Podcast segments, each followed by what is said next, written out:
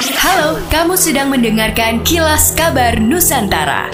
Podcast persembahan KG Radio Network menyajikan berita harian yang mengangkat keunikan dari berbagai wilayah Indonesia.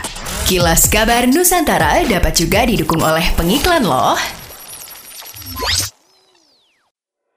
Pemerintah Provinsi Sulawesi Selatan bersama kantor wilayah Kementerian Hukum dan HAM Sulsel menggelar rapat koordinasi terkait rencana kedatangan lima menteri dan lima gubernur ke Sulawesi Selatan. Kedatangan mereka untuk menghadiri kegiatan Direktorat Jenderal Kekayaan Intelektual DJKI yakni mengajar Yasona mendengar dan roving seminar yang rencananya dilaksanakan 27 hingga 29 September mendatang.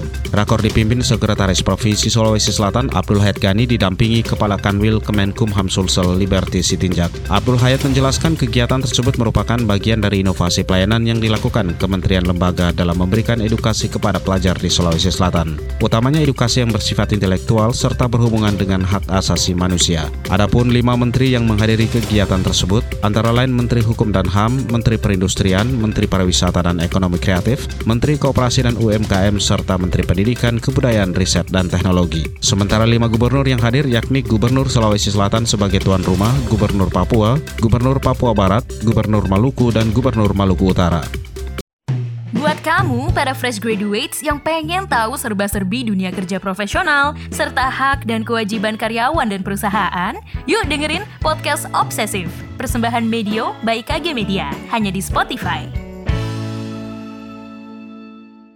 Gubernur Sumatera Selatan Haji Herman Deru mengatakan mensupport penuh event berskala nasional Musiran 2022 yang akan digelar akhir Oktober mendatang di Bumi Sriwijaya dan Pemprov siap memfasilitasi kegiatan yang akan digelar di Jakabaring tersebut. Diharapkan dengan dijadikannya kegiatan event tahunan dikemas semenarik mungkin akan meningkatkan tingkat kunjungan dan perekonomian di daerah. Musiran 2022 akan melombakan dua kategori 10 km dan 5 km mengambil start di Jakabaring hingga Jembatan Ampera. Untuk target peserta awal sebanyak 650 runners akan dilibatkan, namun tidak menutup kemungkinan jumlahnya akan bertambah lebih banyak mencapai ribuan.